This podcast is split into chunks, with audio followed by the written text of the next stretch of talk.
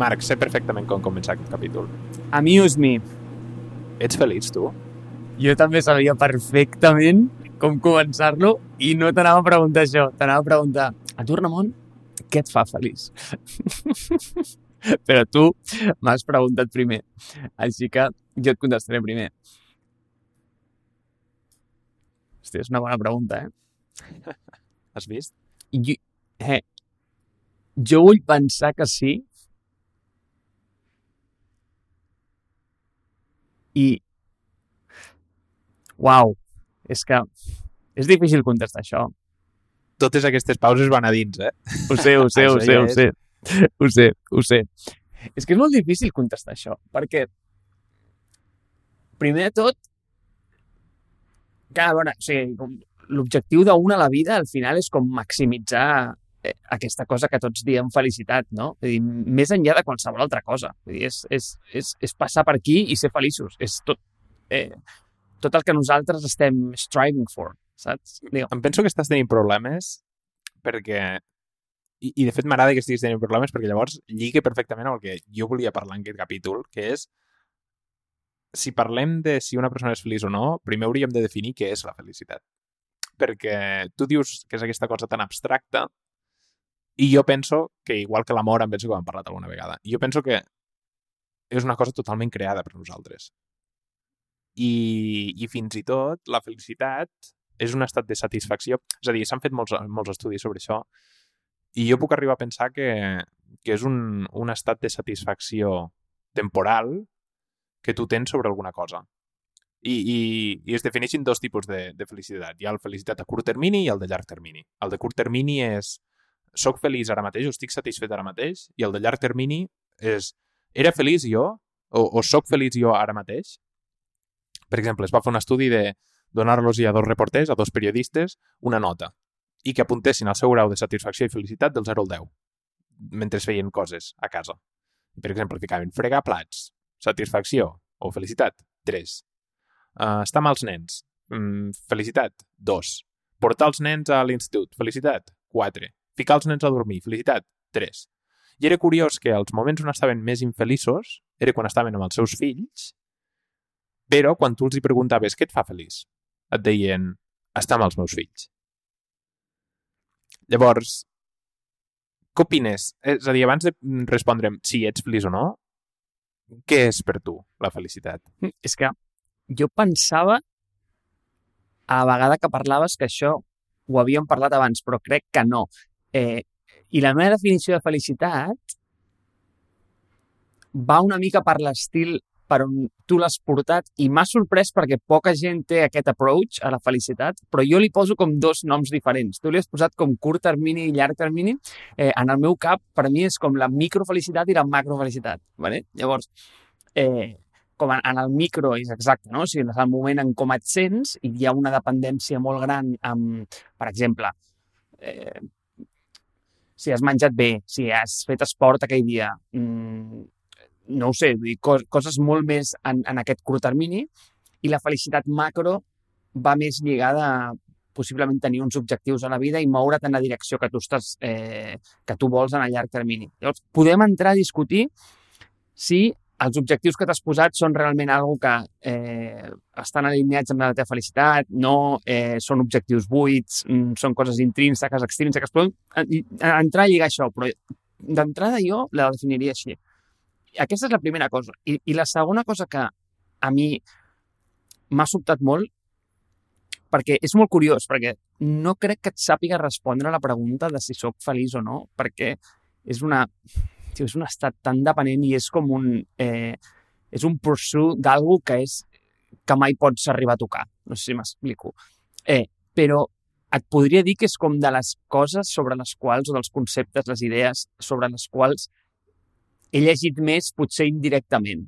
O sigui, molts mm, llibres m'han portat a anar cap allà, molta recerca m'ha portat a anar cap allà, però últimament per la curiositat, no? I, I una de les coses que a mi més em serveix és que la, la direcció, la, com et diria, la felicitat té un caràcter molt direccional. És a dir, nosaltres notem molt els deltes de felicitat, malgrat no hi ha estats absolut de, de felicitat. És a dir, és molt més important cap, eh, el fet de cap on estàs anant que no el fet de a on estàs ara. Perquè sempre tu vius en aquest permanent estat de, de, de cinta de córrer hedoniana, és que no sé com es diu en castellà això, saps? Però bueno, hedonic treadmill aquest, i al final, tio, la teva nova normalitat és el que et fa feliç i es converteix en el teu baseline. Vull dir, ja, ja, ja no és important per tu.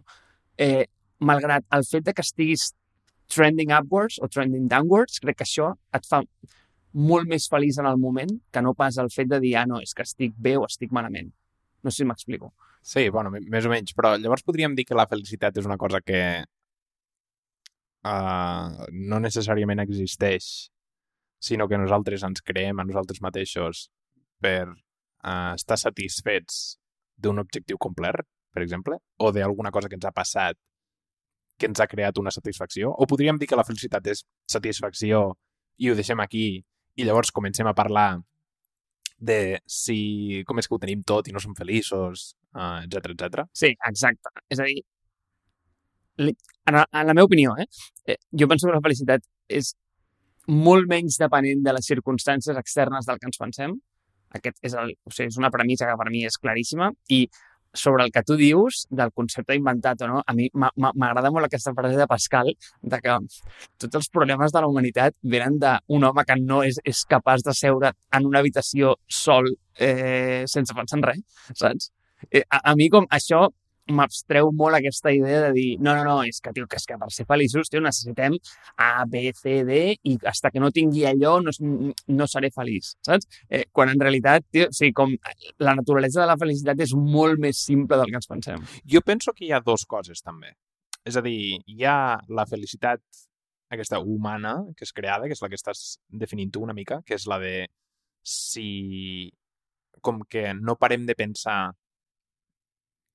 eh, sempre tenim un objectiu i per tant sempre ens pensem que no som feliços i que ho serem quan tinguem aquell objectiu això és el típic de la gent que vol tenir diners i una vegada té diners pensa, hòstia, i ara què? No? Eh, I ara el que vol és més diners i llavors es converteix en un joc i, i després hi ha una altra felicitat que jo penso que és la felicitat més prehistòrica que és la felicitat probablement humana que és la satisfacció aquesta que donen un parell de coses que nosaltres tenim com um, què et diré, el sexe i, i un parell més, que és, eh, és a dir, la naturalesa ens ha fet d'una manera perquè nosaltres puguem tenir, eh, o sigui, perquè nosaltres puguem perseguir aquella satisfacció. Uh, perquè si no, bàsicament no hi hauria descendència humana, per exemple. Uh, I tu tens aquell punt de satisfacció que no és etern, perquè si fos etern llavors ja no tindríem, uh, no tindríem descendència, i, i si no tinguessis cap punt de satisfacció pensaries, mira, jo perquè vull allò, jo perquè vull tenir un fill, si és un, si és un problema tenir un fill. Uh, per tant, jo penso que hi ha aquest, aquests dos tipus. Uh, llavors, els dos tipus tenen una cosa en comú, que és que una vegada tu arribes al punt, a la cima, penses, hòstia, ara en vull més. I això és el que et passa amb la droga, també. És a dir, quan tu, quan tu xutes un, un xute d'heroïna, penses, hòstia, molt bé, aquest ha estat molt bé, però ara jo el que vull fer és perseguir-lo o perseguir-ne un altre que sigui tan bo com aquest. Llavors, Uh, M'estic perdent, com sempre em passa, però... No, espera, espera, espera, abans que et perdis, abans que et perdis, perquè has tocat un punt interessant. És que m'has fet pensar en una cosa. Fixa't, sobre aquest micro i aquest macro que tu dius, o curt termini versus llarg termini, jo crec que hi ha com una, eh, com una mecanística subjacent, ¿vale? que és què és el que els fa possible, què és el que els activa. I llavors a mi m'agrada molt en pensar en aquesta dualitat entre um, sistemes i objectius. Llavors, hi ha molta gent que seteja objectius, eh? objectius, eh, no sé, mm, correré una marató en menys de 3 hores. Llavors, jo crec que els objectius que són importants i et setegen la felicitat a llarg plaç, però són molt perillosos, perquè, en primer lloc, un, sempre et posicionen en un estat de perdedor fins que no el aconsegueixes, Llavors vius en aquest etern estat de loser perquè no ho has aconseguit i en el moment en què el aconsegueixes entres en un estat de, de buit. És a dir, de, vale, ja està, ja ho he fet i, i, i, i, ja, ja és el meu baseline. Vale? En, canvi, en canvi, si penses en sistemes, el sistema que fa que al final tu aconsegueixis aquest objectiu em sembla molt més sa en el sentit de dir, no, no, no, és que, primer, vincules molt més l'activitat amb, la, amb la teva identitat. És a dir, no, no, tio, jo sóc la persona que cada dia eh, surt a entrenar a les 8 del matí i ets capaç de veure com estàs millorant dia a dia. És a dir, és, és un, és un never-ending goal, com si diguéssim, un sistema. I si tu tens bons sistemes a la vida, crec que arribaràs molt més lluny que no que si et seteges uns objectius mm, molt, anem a dir, eh, far-fetching. No, no sé si, no sé si m'explico. Sí, bueno, però jo penso que tu fas un objectiu o, o tu compleixes un objectiu diàriament per tenir un, un reward, per tenir un, un benefici. Jo penso que aquell benefici és el que tu... És a dir, pots tenir sexe una vegada a l'any o pots tenir sexe cada dia i ser el tio que té sexe cada dia, d'acord? Però tu fas allò per tenir un, un benefici propi. I jo penso que aquell benefici propi és el de la felicitat. No? És a dir, tu et crees aquest sistema i sí que tens beneficis més a curt termini, que és el diàriament tu surts a córrer i per tant tens aquest benefici de sortir a córrer, per comptes de tenir uh, el benefici de córrer una marató i quan l'acabes et sents buit. És a dir, jo penso que la diferència és un, és un objectiu molt ambiciós per al que entrenaràs cada dia i el teu punt de felicitat, el teu target, està molt lluny. L'altre és petits passos cada dia. Tot i així, jo penso que els dos no són exclusius. És a dir, tu pots fer un per aconseguir l'altre. Jo puc sortir cada dia a entrenar i ser feliç perquè surto cada dia a entrenar, però al final córrer una marató. Sí, i amb això estic absolutament d'acord i és indiscutible que els dos, evidentment, són complementaris i per això et dic, setejar bons objectius que estan alineats amb els teus sistemes crec que és la millor estratègia per aconseguir aquesta felicitat. És a dir, al final, per mi la felicitat ve per bueno, ara no sé si ve per dos llocs, per tres, per uns quants, però ara són els que se m'ocorreixen ara mateix. ¿vale? O sigui, la primera és com aquest creixement personal. Per mi absolutament ve per aquí. És a dir, el, el veure que tu estàs progressant en una direcció. I, i d'aquí en trec aquesta, eh, no ho sé, com aquesta direccionalitat o aquesta naturalesa direccional de, de la felicitat. Per mi això és extremadament important i és algo que, ja et dic, vull dir, després d'haver mm, empap, després d'haver-me empapat molt sobre el tema, crec que és una cosa que, de, de les poques coses sobre les quals estic segur, ara mateix. O et diria, no, eh, sobre la felicitat, això és el que sé i això és el que em funciona a mi. I és això, és a dir, eh, la direccionalitat que té i aquest component de, vale, si m'estic movent allà on, cap allà on vull, això és ok malgrat pel tema dels objectius, és el que et deia, jo també m'he setejat moltes vegades un objectiu de córrer una marató un any, però sempre em passa que un cop ho fas, dius, ok, saps? Don. Eh, I potser després et passa sis mesos sense córrer, per dir alguna cosa. És a dir, ja com un cop has creuat aquella línia, bueno, o sigui, vale, sí, ho has aconseguit, ok, però, però ja està, o sigui, veig com, com un... Eh, com un precipici cap al que tu vas a córrer i, i un cop et tires, bueno, doncs caus, ja està, au, Déu, ja està, fins un altre dia. Eh, però an anem, a, anem al teu un segon, pels últims cinc minuts, de dir, o sigui, per què ho tenim tot i no som, i, i de veritat, no som feliços. I crec que eh, no crec que això sigui un raonament inventat, sinó que és que realment no, o sigui, com a societat penso que no ho som. O sigui, som la, la, la societat que ha viscut en la més gran de les abundàncies i crec que som la més infeliç de totes, sincerament. Mm. És que si... Jo és aquí on anava. A mi em sembla molt bé el teu raonament de que els sistemes et funcionen per estar més tranquil amb tu mateix. Jo penso que et funcionen per això, per estar en pau amb tu mateix i dir, no m'he de marcar aquests objectius a llarg termini perquè amb aquests objectius a curt termini estic més content. I fantàstic. És perfecte. Jo acabo de llançar un producte i, i en Pic vam llançar dilluns, pensava, molt bé, i ara el següent, què? Perquè vull dir, jo tot això la dopamina era la dopamina que tu reps quan, quan, quan tens graus del que és, el que es coneix com a felicitat jo ja la tenia mentre treballava el producte, no el llançament i que el vegi la gent. Vull dir, està molt bé, eh? però um, que, és, que, és, que és el següent. Però jo penso que aquí és on anem, és ho tenim tot i no som feliços. Com és això? Probablement, o jo et contestaria que és perquè la felicitat, tal i com nosaltres la definim, no existeix. I penso que el nostre estat de continu de contínua reinvenció com a societat humana i continu canvi és el que fa, és el que ens plene a nosaltres com a societat, és el que ens ha fet avançar tant um, i, i arribar al punt on estem ara. És a dir, estem, si ho penses bé, és, és bastant impressionant no? el, que, el que ha arribat a fer l'humà. Estem parlant a través d'un micro que s'està gravant en una aplicació que està gravant-ho al meu escritori i després ho ficarem a un cloud, estem parlant per una videotrucada. Tot això ho han fet precisament perquè no hem estat en un estat de felicitat permanent que nosaltres, un estat de satisfacció permanent, que nosaltres haguem pogut dir it's good enough, parem aquí.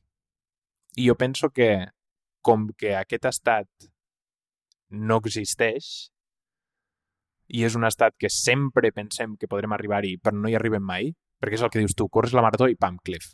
O entrenes cada dia, que, que és les petites coses que et diu, entrenes cada dia i, bueno, ets, ets mitjanament feliç, però mm, realment no... És a dir, entrenes cada dia per créixer cada dia, realment. Per tant, jo definiria o, o, o diria com és que no som feliços o com és que tenim tot i no som feliços.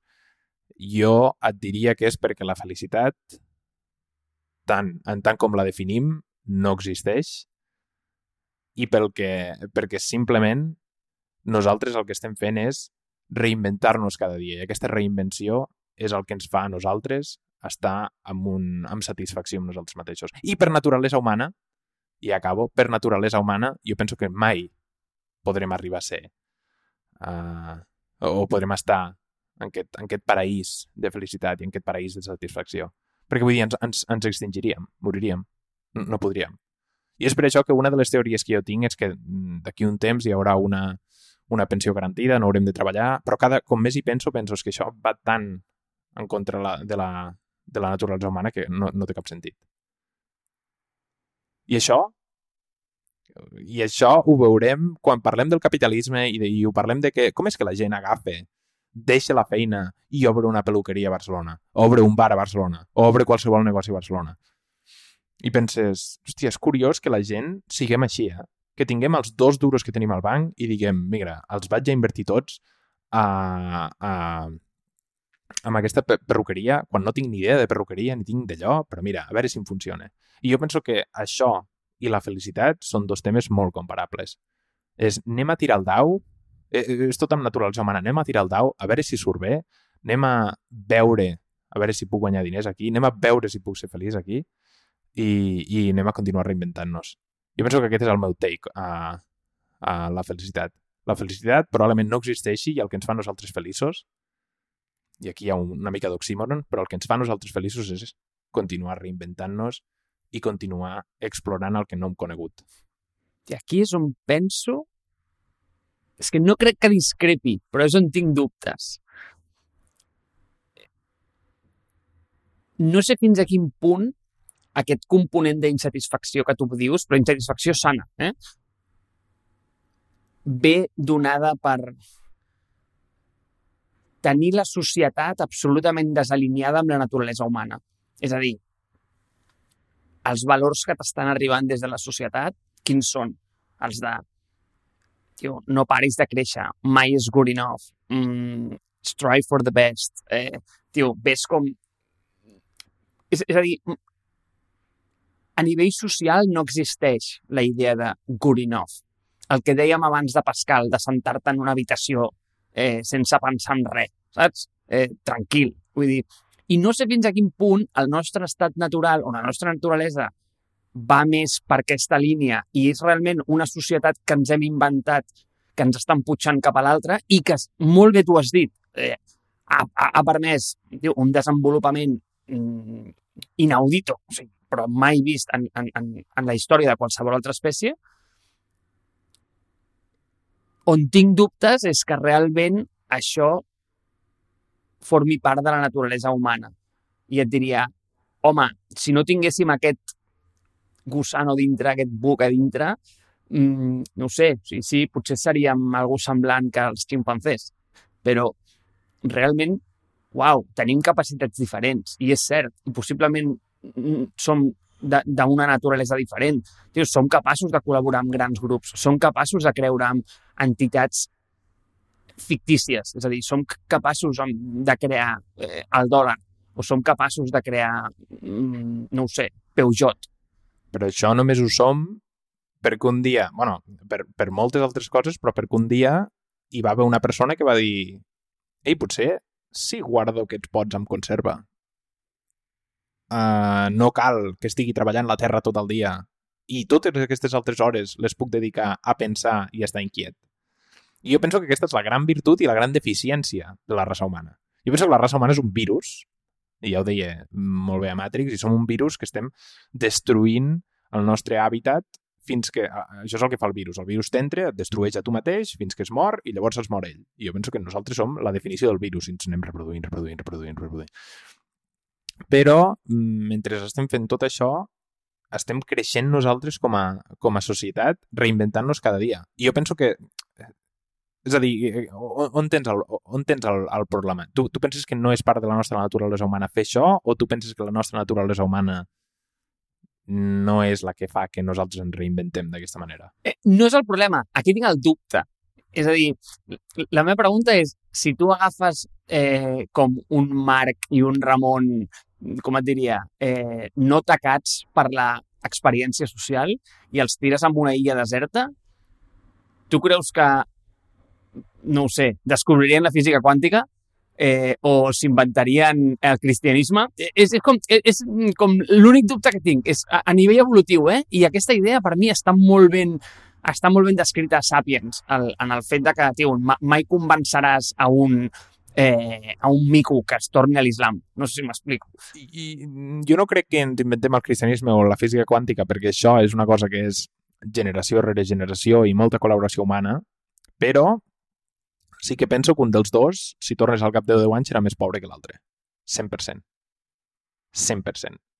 Simplement, dir, eh, ja no només per naturalesa, sinó per, uh, si, si vols, sentit de la, de la supervivència o esperit de supervivència. És, jo vull sobreviure més que l'altra persona, per tant, uh, probablement col·laborar uh, ens aniria millor els dos, però jo vull capitalitzar sobre la illa per quedar-me a mi els, els, uh, el màxim de recursos possibles, el màxim de menjar possible, o poder viure jo el màxim de possible.